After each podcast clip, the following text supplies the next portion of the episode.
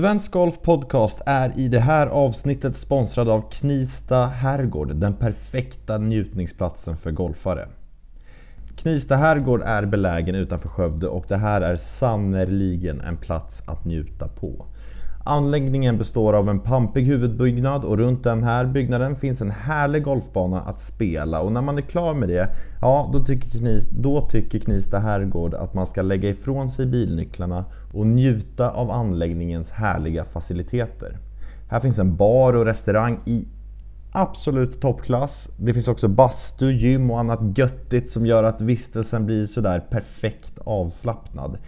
Knista Herrgård har 80 hotellrum vilket gör att det är lätt att boka något av deras bra golfpaket. Kanske får man då också träffa Steffo Törnqvist, journalisten som vi kanske främst känner igen från Fyrans morgon-tv, är nämligen delägare i anläggningen. Och med tanke på hur bra han är på att njuta, som vi har sett, måste ju den här anläggningen vara något alldeles extra. Vi säger tack till Knista Herrgård.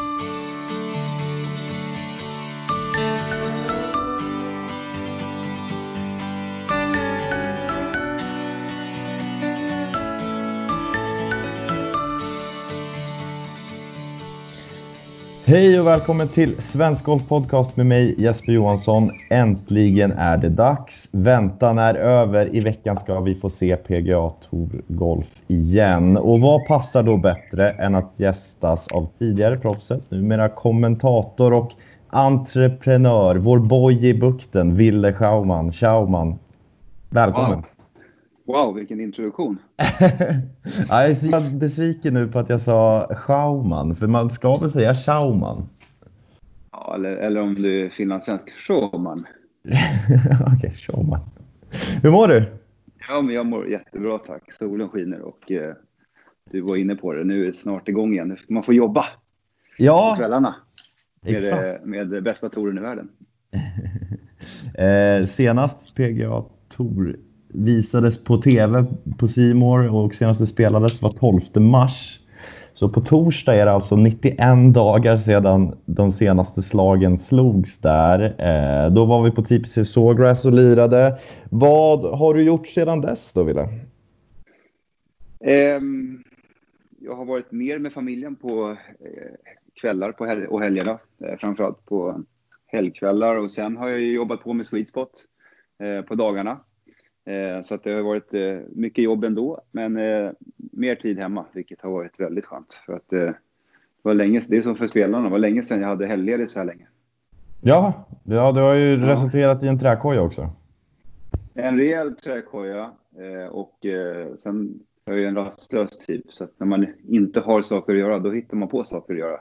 Så att det finns en del i trädgården att ta tag i. Så mm, vad är, jobba på med det. Vad är kommande projekt då? Eh, det är att eh, lägga markduk och eh, stenmjöl och sen så gruslägga lite saker runt omkring så att inte, för ungarna tenderar att springa sönder gräsmattan där vi, där vi egentligen bara ska gå runt. Så jag tänkte att då kan man göra det enkelt och snyggt istället. Ja, men det låter bra. Mm. hur ser det ut? Jobbar du den här veckan eller är du ledig den här helgen? Nej, jag kör hela Colonial. Alright, så då du laddar upp här nu inför det som komma skall. Vad, vad ser du mest fram emot med veckans tävling?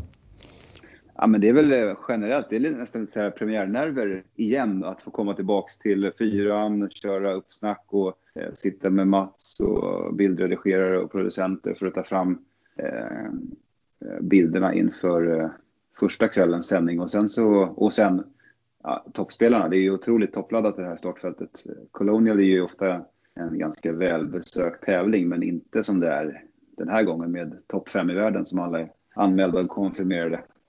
Nej, exakt. Det, är, det, känns som att det är många spelare som har tröttnat på att sitta hemma eller stå på ranchen eller vad de har gjort. Det känns som det är många som är tävlingssugna. Exakt. De här hemma, hemmabettmatcherna, de höll ju säkert eh, igång dem i några veckor. Först var det nog, de flesta tog nog eh, helt ledigt i två, tre veckor för att man visste ju inte vart det barkade med, med eh, covid-19 och banorna var stängda och så vidare. Men i takt med att banorna öppnade upp så har de ändå haft möjlighet att köra bettinggolf hemma. Både från höger och vänster har man ju sett på, på några av stjärnorna. Mm, Men nu är de redo att tävla på riktigt. Det känns som betten blev tyngre och tyngre ju längre tiden gick för att behålla tävlingsnerven. Exakt, bygga upp det. um, men okej, okay, ja, det jag nog ser mest fram emot, kanske inte mest, men någonting som jag ser fram emot med veckans tävling, det är ju dels att se, alltså jag längtar ju efter söndag sista nio. Det ska bli så jäkla kul att få se lite nerv på golfen och någon som jagar och någon som försöker hålla, hålla ifrån och någon som gör bort sig och någon som lyckas med ett mirakel och sånt där. Alltså just den typen av underhållning, det var så länge sedan man fick se nu så det ska bli fantastiskt verkligen. Ja, men det är samma här och, eh, och det är faktiskt så även för oss som sitter i studion att eh, visst, vi jobbar ju där, vi, vi kommenterar, men vi är också där för att vi tycker att det är väldigt kul att kolla på golf. Så det blir ju en, det får ju dubbelt upp kan man säga, eh, när man, man sitter där och faktiskt eh, har det riktigt kul också eh, i studion. Ja. Mm. Ehm, de fyra första tävlingarna här nu, de kommer ju spelas utan publik. Hur tror du det kommer påverka ja, men stämningen och sändningen? Ja, stämningen, det är klart att det kommer kännas annorlunda för, för spelarna eh, och säkert också för oss som tittar på. Men, men någonstans så är ju, jag tycker det är en bisak i det att vi äntligen får tillbaks eh, tävlingsgolf på tv. Eh, och jag tror att det, det är klart att för, för McIlroy, och hade Tiger varit med så hade det såklart varit en stor skillnad, för han är ju inte van att spela tävlingsgolf utan publik. Men de här spelarna är så professionella och de är ju så fokuserade på sin sak så att eh, för den vanliga, säg 75 rankade spelaren så är det kommer vara nästan som en vanlig vecka. Mm. Um, vad gäller publikmängd för att de blir inte nedsprungna av publik uh, första två dagarna i alla fall. Eh, det sa ju Henke Nolander när vi pratade med honom inför det här eh, på en sån här Facebook live att ja, men, en, en stor vecka då är det kanske 20 pers där för man råkar känna någon som bor i staden där vi är eller att det är svenskar på plats. Eh, det är inte förrän om man spelar bra så på lördag och söndag då får man ju liksom eh, publik med sig. Annars är det ju rätt så folktomt förutom de bollar som vi alltid ser eller grupper som vi ser eh, i tv-sändningen. Där är det ju smockfullt men det är ju för att det är feature groups eller ledarboll. Ja, exakt. Eh, kan det vara så att det är en fördel då för de här tävlingarna för spelare som inte, ja, men som inte är vana med publik, att de slipper den yttre pressen som det kanske ger? Ja, men det kan det absolut vara. Det finns ju några få som tror jag spelar ännu bättre när det är riktigt mycket tryck utifrån, men de är ju redan uppe i toppen. Jag tänker på Patrick Reed och Justin Thomas. De tycker, för dem blir det ett lyft att ha mycket publik. Ehm, Exakt.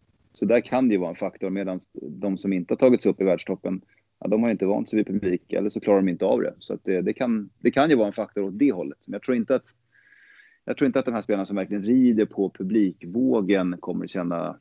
De kommer inte spela i snitt två slag sämre för att det inte finns massa publik på plats. Men det är klart, det kan ju vara en faktor. Och sen är det en annan faktor som det har pratats lite grann om. Det är ju att toppspelarna slår ju aldrig bort en boll om de inte slår en out of bounds eller ner i ett pliktområde för att bollarna hittas ju i ruffen för det är sönder eller nedtrampat eller det finns ju ögon överallt. Mm. Så kommer det inte vara nu. Nej, ja, just det. Lite mer, lite viktigare att ha rak, slå, slå lite rakare helt enkelt. Ja. Men du, ja, förlåt. Nej, men just, den här banan är ju, det är Bermuda-ruff. Um, den kommer eventuellt vara lite högre än vanligt, men framförallt så så är det en bana där det är väldigt få ställen som du kan slå bort det på om du inte slår det utanför banans eh, liksom inhägnad. Eh, men är du inte i fairway på Colonial, då har du ju väldigt ofta dålig vinkel, speciellt om det är på fel sida fairway. Eh, och från ruffen så spelar du in då med boll som inte spinner in mot de här grinerna. Eh, som eh, i och för sig inte brukar vara stenhårda, men kommer du från Bermuda-ruff så har du väldigt svårt att Eh, sätta stopp i bollen. Och det har ju, varit, det har ju gjort att det är, det är sällan en fördel att slå mycket längre än, än, andra spelare på den här banan. Men det ska bli väldigt kul att se nu när vi har ja, men McIlroy, Ram, Justin Thomas, eh, Brooks Koepka och Dustin Johnson i fältet. Det här är ju fem spelare som alla slår extremt långt och bra med driven.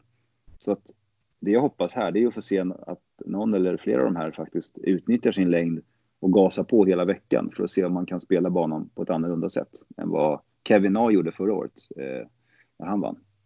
Ja, inget ont om Kevin A, en fantastisk golfare, men eh, han är väl ingen längdraket direkt kan man inte påstå. Nej, han, han vet ju, han har ju sagt i intervjuer, jag har fem, sex, sju banor om året där jag känner mm. att där har jag en bra chans att vinna. Resten av banorna så har jag egentligen inte det. Det kan ju hända ändå, men det är, Colonial är ju en sån bana, Las Vegas är en sån bana.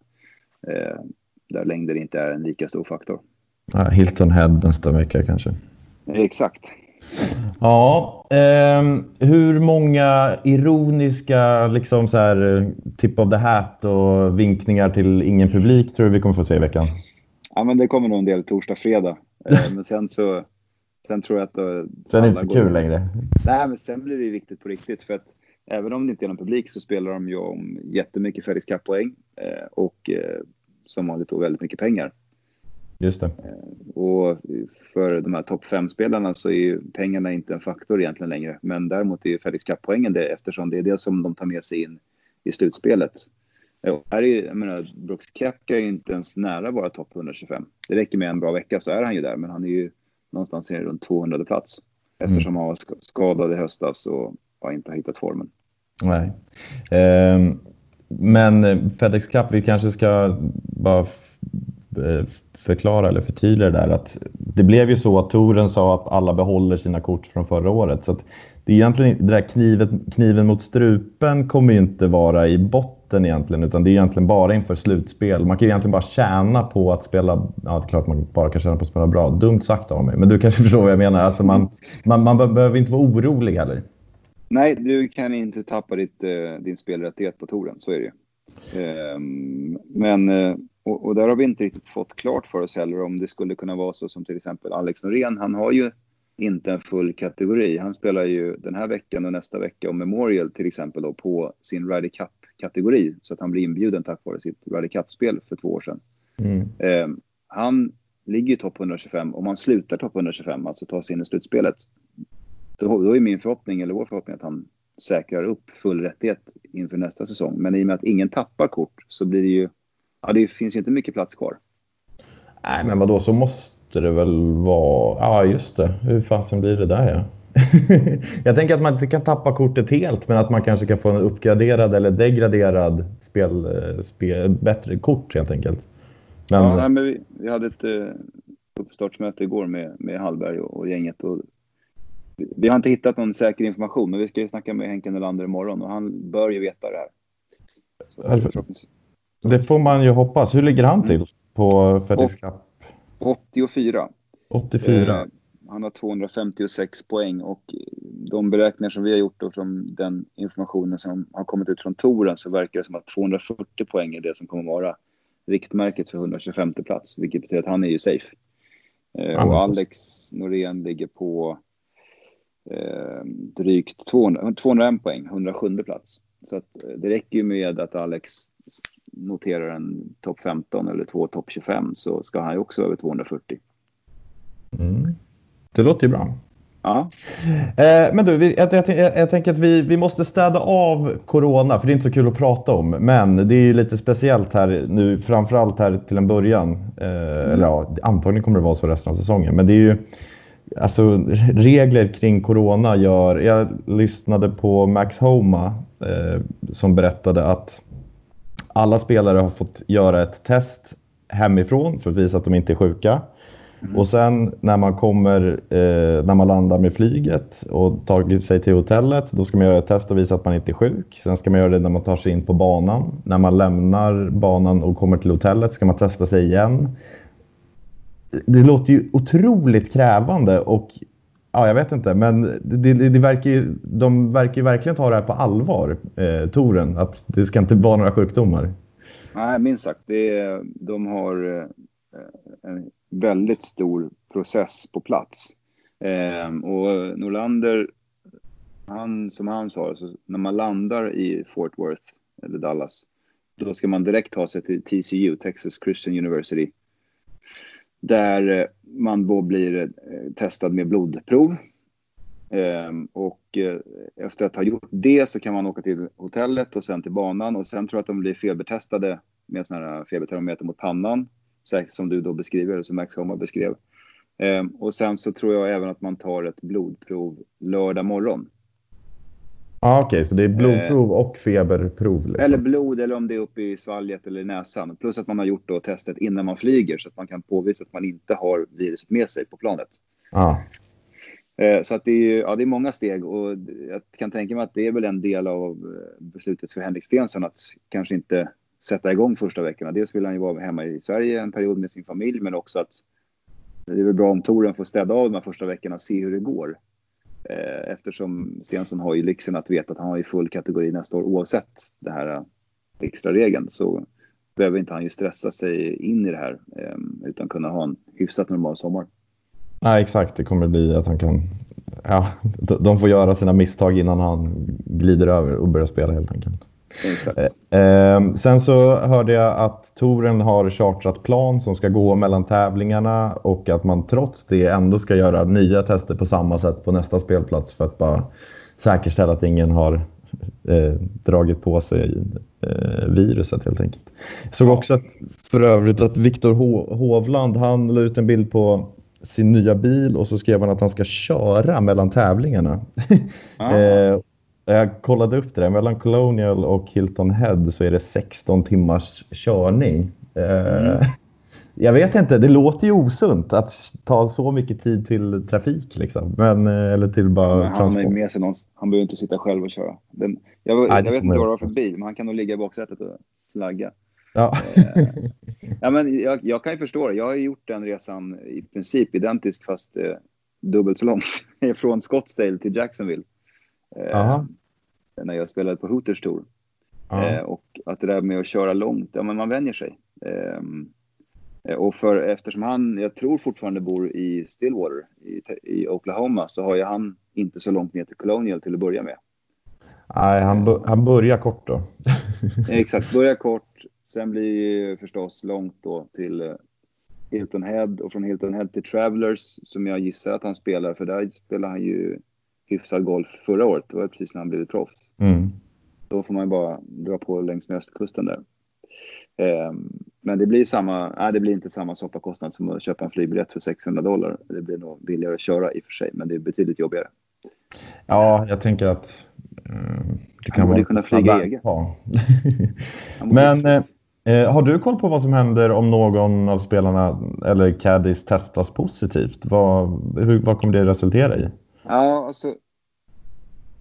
Henrik sa det här nu. Alltså, jag tror att du, du ges, om det är caddien så ges du valet att gå ut utan caddy. Ah, okay. Eh, um, och sen är det du själv som testar med, att, du får, att du visar feber innan lördags eller söndagsvarvet. Då får du starta rundan. Men då har du också, då, om du har feber så kommer de ta ett svalg eller gomtest eller vad det kallas. Eh, och Får du då ett res positivt resultat ute på banan, att om testat och du har covid-19, då är det bara att kliva av. Men mm. du behöver inte kliva av om du har feber. Eh, däremot då så kommer du eh, behöva spela utan caddy om caddien har covid-19 till exempel. Jobbigt om man har en sån här tourbag då och behöva konka på den.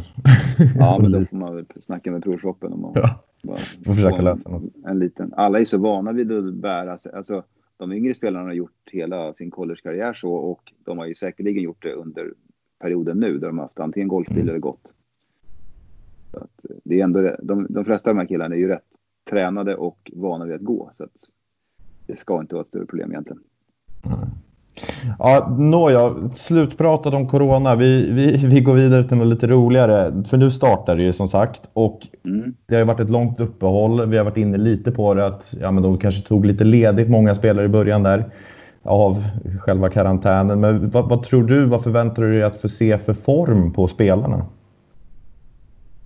Ja, men jag tror alltså slagmässigt och teknikmässigt och fysmässigt så kommer de flesta vara i toppform för de har haft 12 veckor på sig att eh, ja, vässa på det de behöver och känner att de vill lägga fokus på. Men eh, den är ju, och för alla oss som spelar golf eh, så vet vi ju att sätta ihop en score, det är någonting som man sällan gör första veckan. Eller mm. första dagen. Eh, och det är där eh, det ska bli intressant att se hur många som har liksom lagt fokus hemma på att bara spela tävlingsgolf mot polare och, och betta. För att eh, hålla igång. För det blir en sån här scoringhjärnan. Det tar, tar några dagar att eh, liksom få igång den parat med kanske lite nerver. Eh, McIlroy brukar inte vara nervös på en torsdag på en vanlig tävling. Men jag kan tänka mig att nu så är det så här, ja men ska vi komma igång här och se, har jag, har jag det som jag hade innan? För han har ju, jag tror inte han har varit utanför topp fem sen i höstas. Han har ju fem raka topp fem och en av dem är väl en seger i den VGC-tävlingen HSBC eh, i höstas. Så att han, han är onekligen i bra form, eller var i alla fall i bra form. Exakt. Han var ju också med i det vinnande laget i TaylorMades välgörenhetsmatch när han avgjorde med att vara closest där på hål 17 var det väl på Seminole. Just. Så att, eh, han är, ja, han, det ska bli jäkligt kul att se honom spela. Eh, en spelare som jag är väldigt nyfiken på att se det är ju Bryson DeChambeau. Som, han måste ju väga 300 kilo vid det här laget. Med tanke på hur han, han håller på att styrketräna. Ah, ja, nu har jag inte följt honom så jättenoggrant i sociala medier de senaste veckorna. Men senast jag såg honom så var han ju uppe på om det var 230 pounds eller 240 till och med. Alltså det är över 100 kilo. eh, och han sa att ja, men jag tror någonstans runt 270 pounds. Det är där. Dit kan jag nå och det då är alltså. Det är 120 kilo. Det är otroligt. Det är massive. han har ju skickat ut lite filmer på sina siffror också. Han ser ut att slå driven hur hårt som helst. Alltså så här long driver hårt liksom. Ja, men drog han inte sönder nätet? Han slog med bollen genom nätet. Jo, jo. På, på sin bakgård där. Den flyger ut över någon landsväg. Liksom. Det ska bli intressant att se om man, om man har lite riktning på den där. Då kan han ju pulverisera vilken bana som helst känns det som. Men som vi var inne på, det finns ju ingen publik så det gäller att han är i spel här nu. Annars kan ja, det riktigt struligt. Absolut, men han ledde ju alltså driving distance på touren vid avbrottet på 321 yards lite drygt. Och det var han bäst med på touren. Och det var innan han fick 12 veckors eh, eh långdriving-träning. Ja, tänk vad knackigt närspel han ska ha nu. När han bara tränar långdriving. Exakt. Nej.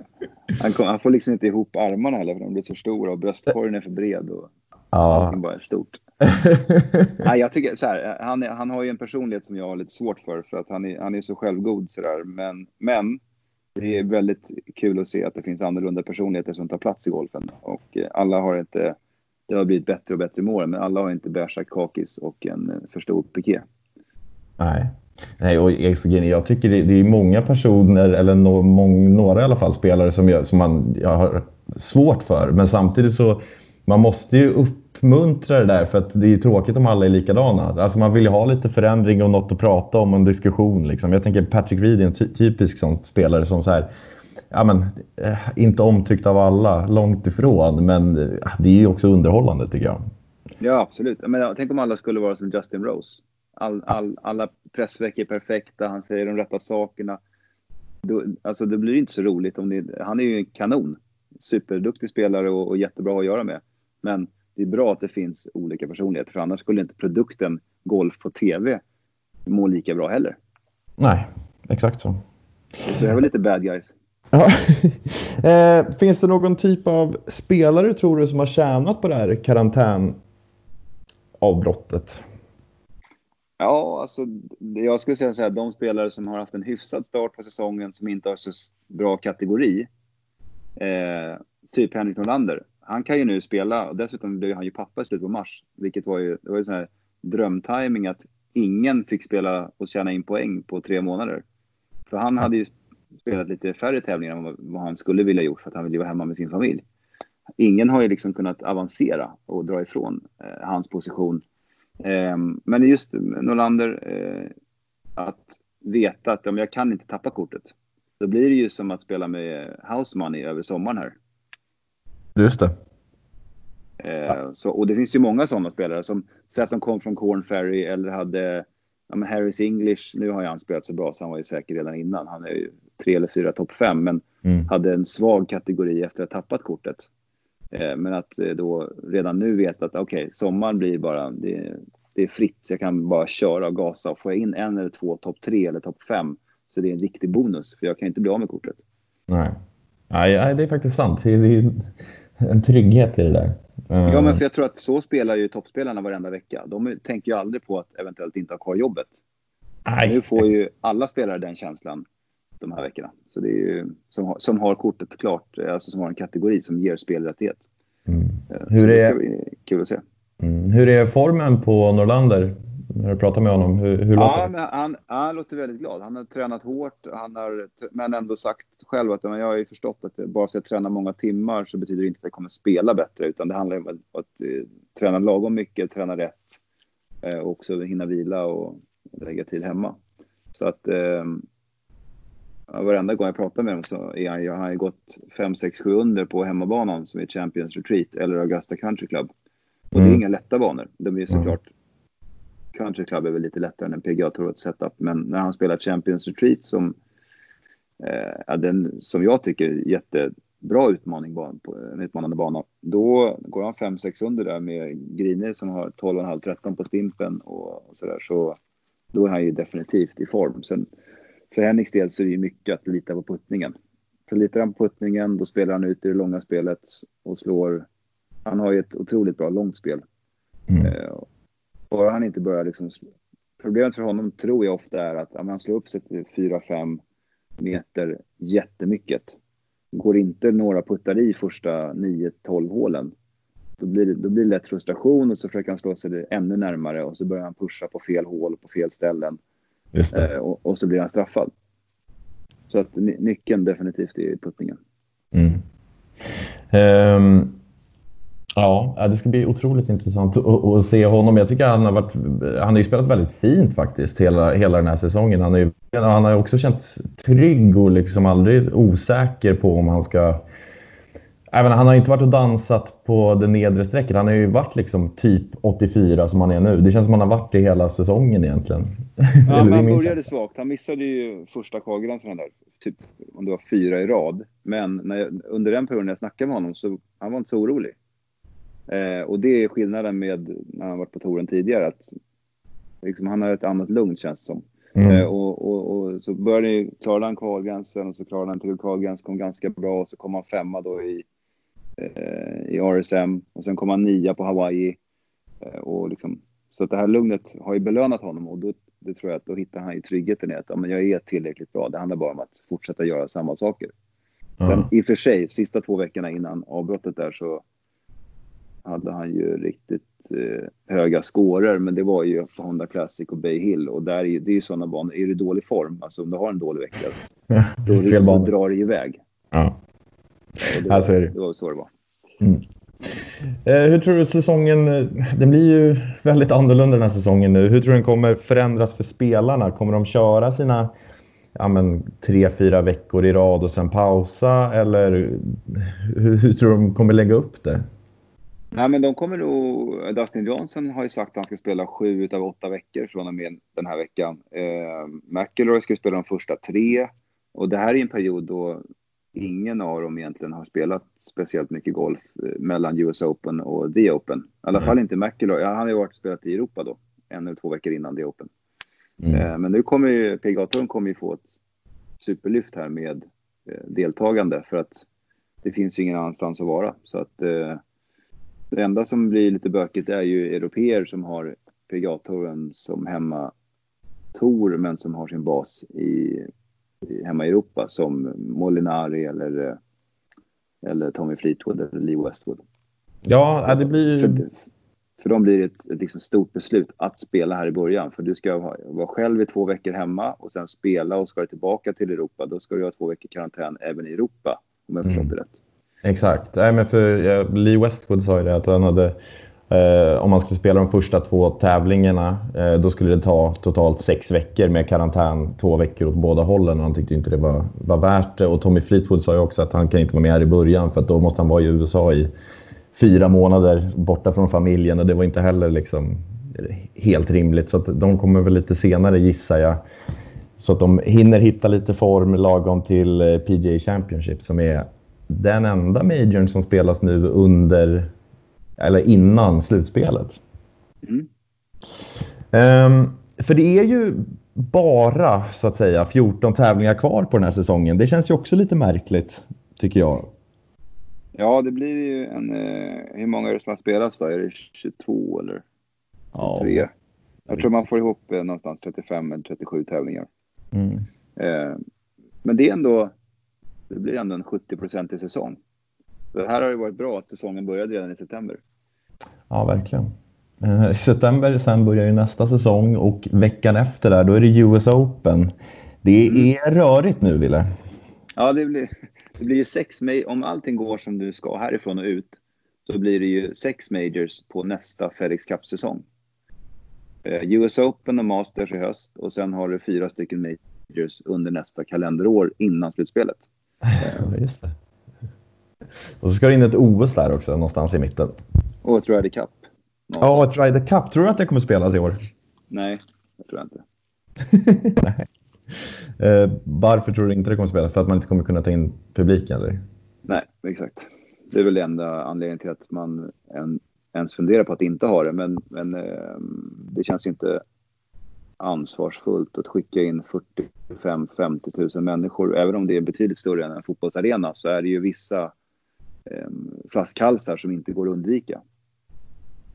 Alltså vid entré, vid kiosker och vissa läktare som man bygger upp för att bygga upp känslan kring, kring ettan och andra hål.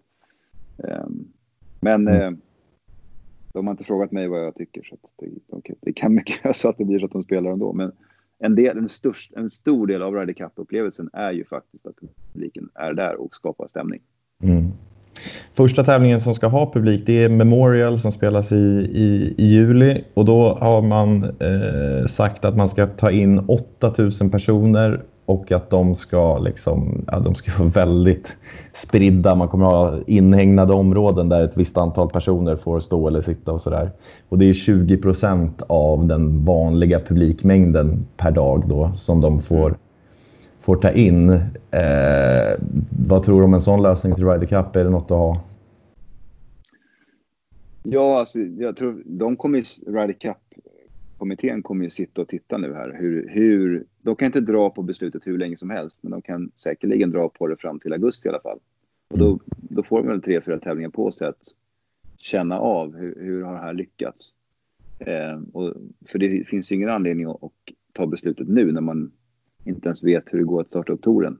Men det, det kan ju vara så att de startar upp touren och så, och så skiter det sig av någon anledning.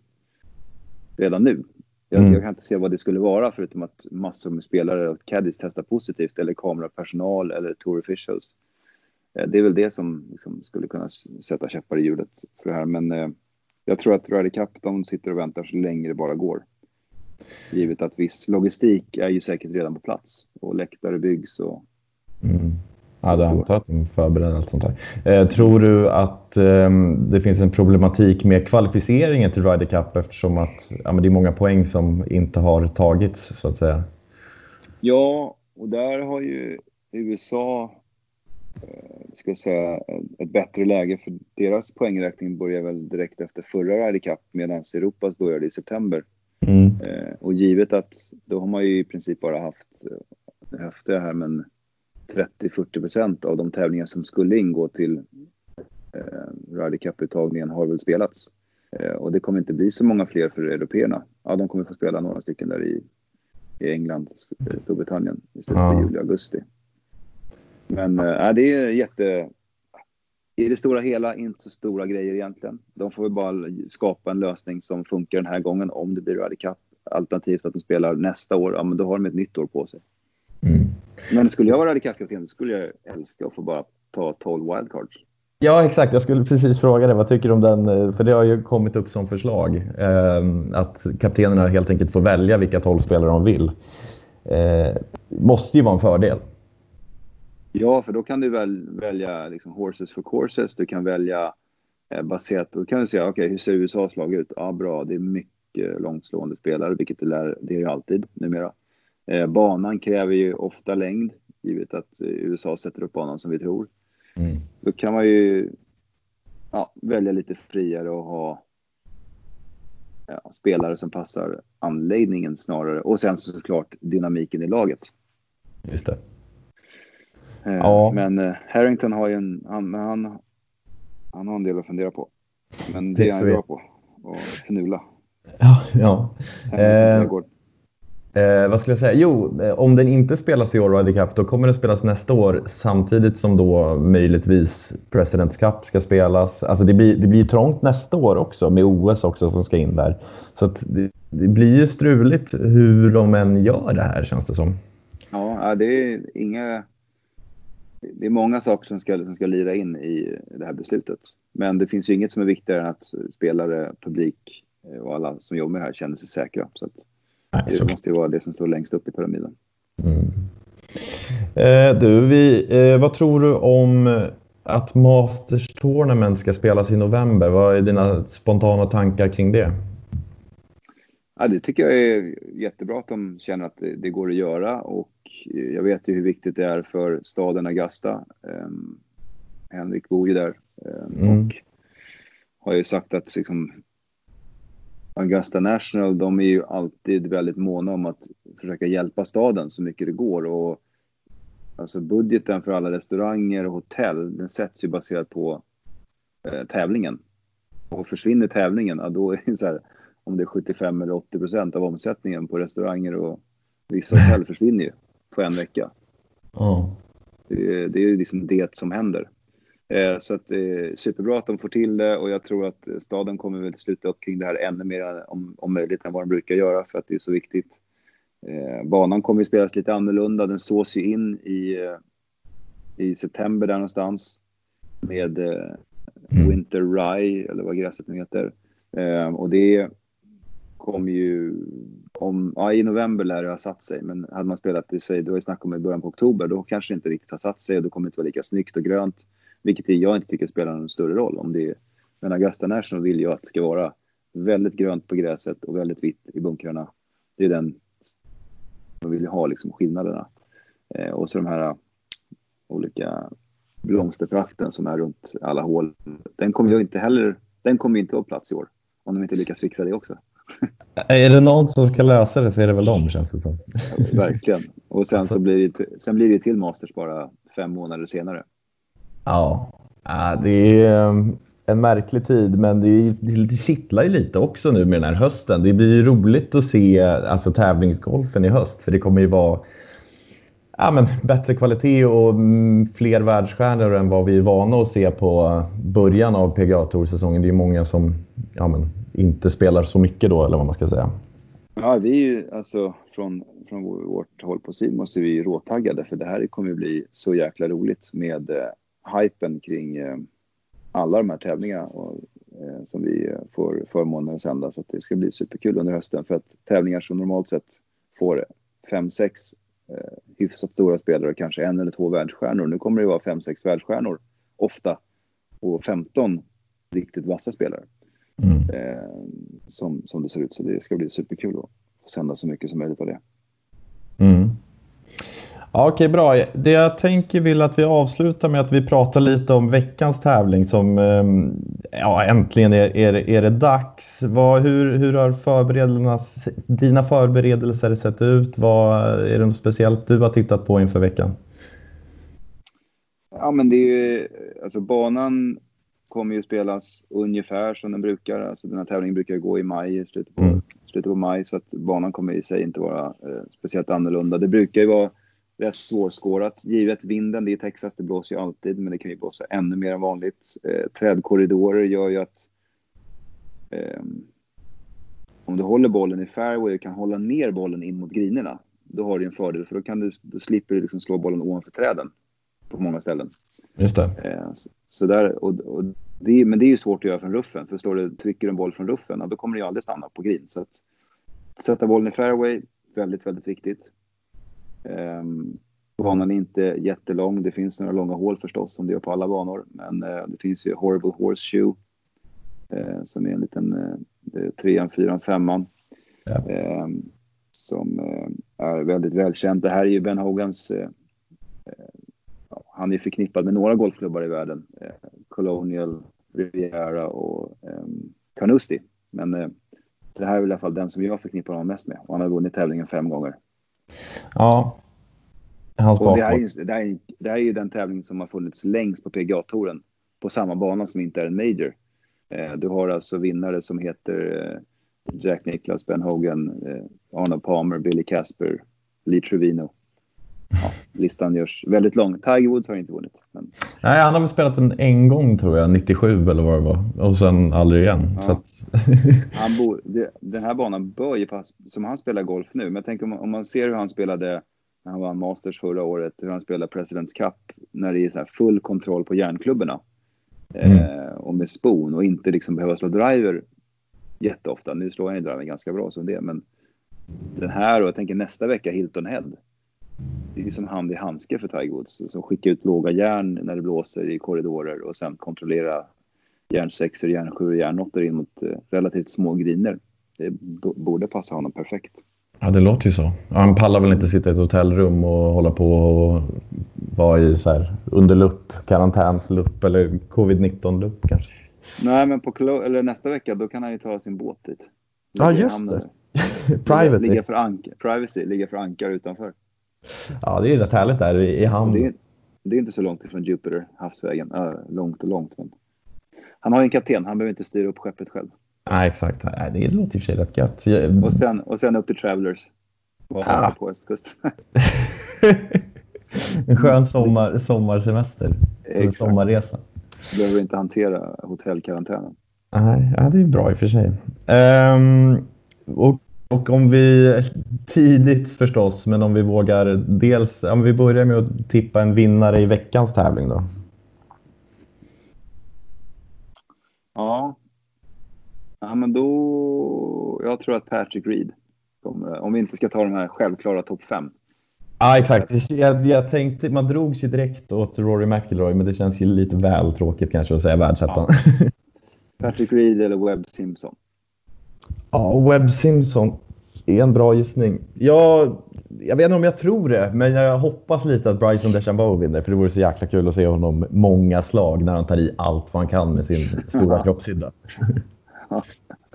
Alltså jag, ser också fram emot att han liksom så här ska vara lite sarkastisk mot medspelarna när han går vidare till sin boll 70 meter längre fram och sånt där.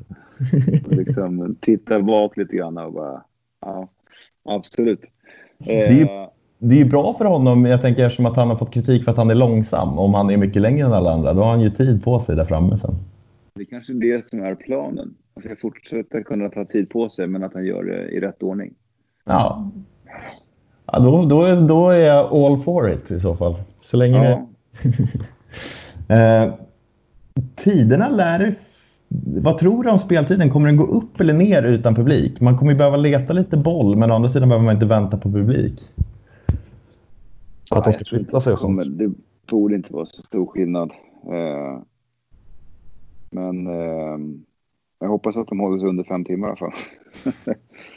Ja. En brasklapp, det är ju Texas i juni, juli. Det är liksom åskväder. Det känns som att det är varje dag.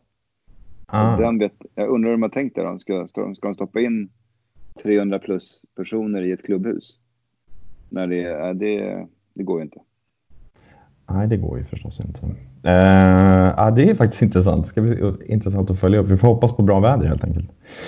Uh, Sanjay Im leder Fedex Cup Tror du att han håller hela vägen ut eller tror du att det är någon annan som går om och vinner FedEx Cup i år? Um, jag tror att han, hur det blir i Tour Championship är svårt att veta för det där är ju mm. winner takes all. Men alltså att han, att han är topp tre inför Tour Championship, det är svårt att se att han inte kommer vara för att han kommer ju spela typ varje tävling. Uh, och han är ju otroligt stabil så att det känns som en dålig vecka för honom. Det är en 25 plats. Så han är ju sån här som men och så fort han är lite het i putten, då är han topp fem. Mm. Och om man, om man kommer göra 8-9 starter innan eh, playoffs, ja det är svårt att gå om honom då. Om du inte spelar i alla fall 6 eller 7. Mm. Hur, många, hur många tävlingar är det kvar? Det är alltså 11 starter innan playoffs börjar. Exakt. Ja. Eh, och han brukar spela alla tävlingar som han kommer in i. Ja, så det är väl bara Han kanske gör 10 starter. Ja. Han har ju liksom ändå inget hus som man behöver se efter. Han har inget hem. Han mm. åker från eh, hotell till hotell. Mm. Eh, jag, ehm, jag, jag kollar här på Felix Cup-listan och, och jag ångrar mig nu med veckans vinnare. Jag tror att, att eh, Sander Schauffele vinner. Det känns som oh. ett bra, bra bett på den här banan. Ja. Lång men ändå rak. Exakt, och, men bra med hjärnan och det känns som att han har bra koll på, på flykten överlag. Så han kan, som du säger, hålla den under träd och så vidare. Mm. Ja, men så... jag, jag plockar Webb Simpson då. Okay. Svårt, ja. Har ju svårt att plocka Patrick Reed alltså. ja. Eh, det vore roligt i och för sig om Patrick Reed vinner. Det känns också som att han... Eller jag vet inte, vad tror du? Gynnas han eller inte gynnas han av att det inte är publik? Han, det känns som att han blir uppeldad av, av burop och grejer. Exakt. Ja, det, det, är ju det att han, eh, han vill gärna att folk inte gillar honom. Det är då han taggar till. Ja. Han, Eh. hans, ja. Avslutande fråga. Vad, om vi ska se liksom resten av året, vad, vad ser du mest fram emot?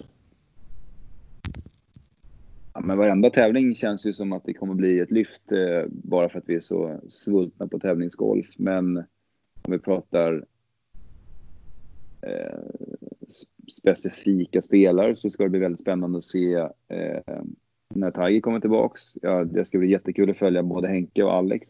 För att eh, jag vet att båda har jobbat hårt på sitt spel. Så att eh, om de kan eh, komma igång här och vara med och hugga om några titlar under sommaren och hösten skulle det vara väldigt häftigt få in Norlander i Augusta, eller alltså på Augusta National i The Masters på Mm. hemmaplan.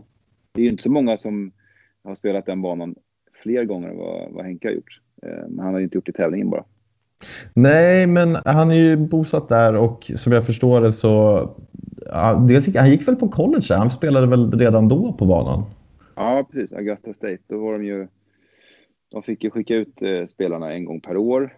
Ehm, och sen så har han ju... Han känner ju några riktigt Ja. sköna gubbar där i, i stan. Som eh, eh, hör av sig och frågar om han vill lira då och då. Så han, han sa själv att han spelat eh, någonstans mellan 30 och 40 gånger. All right. Hur ofta har han tackat nej tror du? Ytterst sällan. Ja. Ja, det, ska bli, det blir väldigt spännande att se. Det vore ju superkul verkligen om, om han lyckades med det. Han har ju goda förutsättningar får man säga. Minst sagt. Mm. Ja, men vad bra Wille. Eh, tack så jättemycket att du tog dig tid och så Ja, ser jag fram emot att höra, höra dig i, i Simor Golf här nu i, i, i veckan. Och på, tors, eller på söndag börjar Allsvenskan också. Vilken, vilken vecka vi har! Nu drar det igång. Äntligen! Se Djurgården vinna till lunch. Heja och sen, Djurgården. Ja, exakt. Bra. Och sen eh, går vi vidare och kollar på lite söndagsgolf på PGA-touren. Det blir ju inte bättre. Nej, Härligt! Eh, ta hand om dig. du är med. Ha det gott. Ha det gott.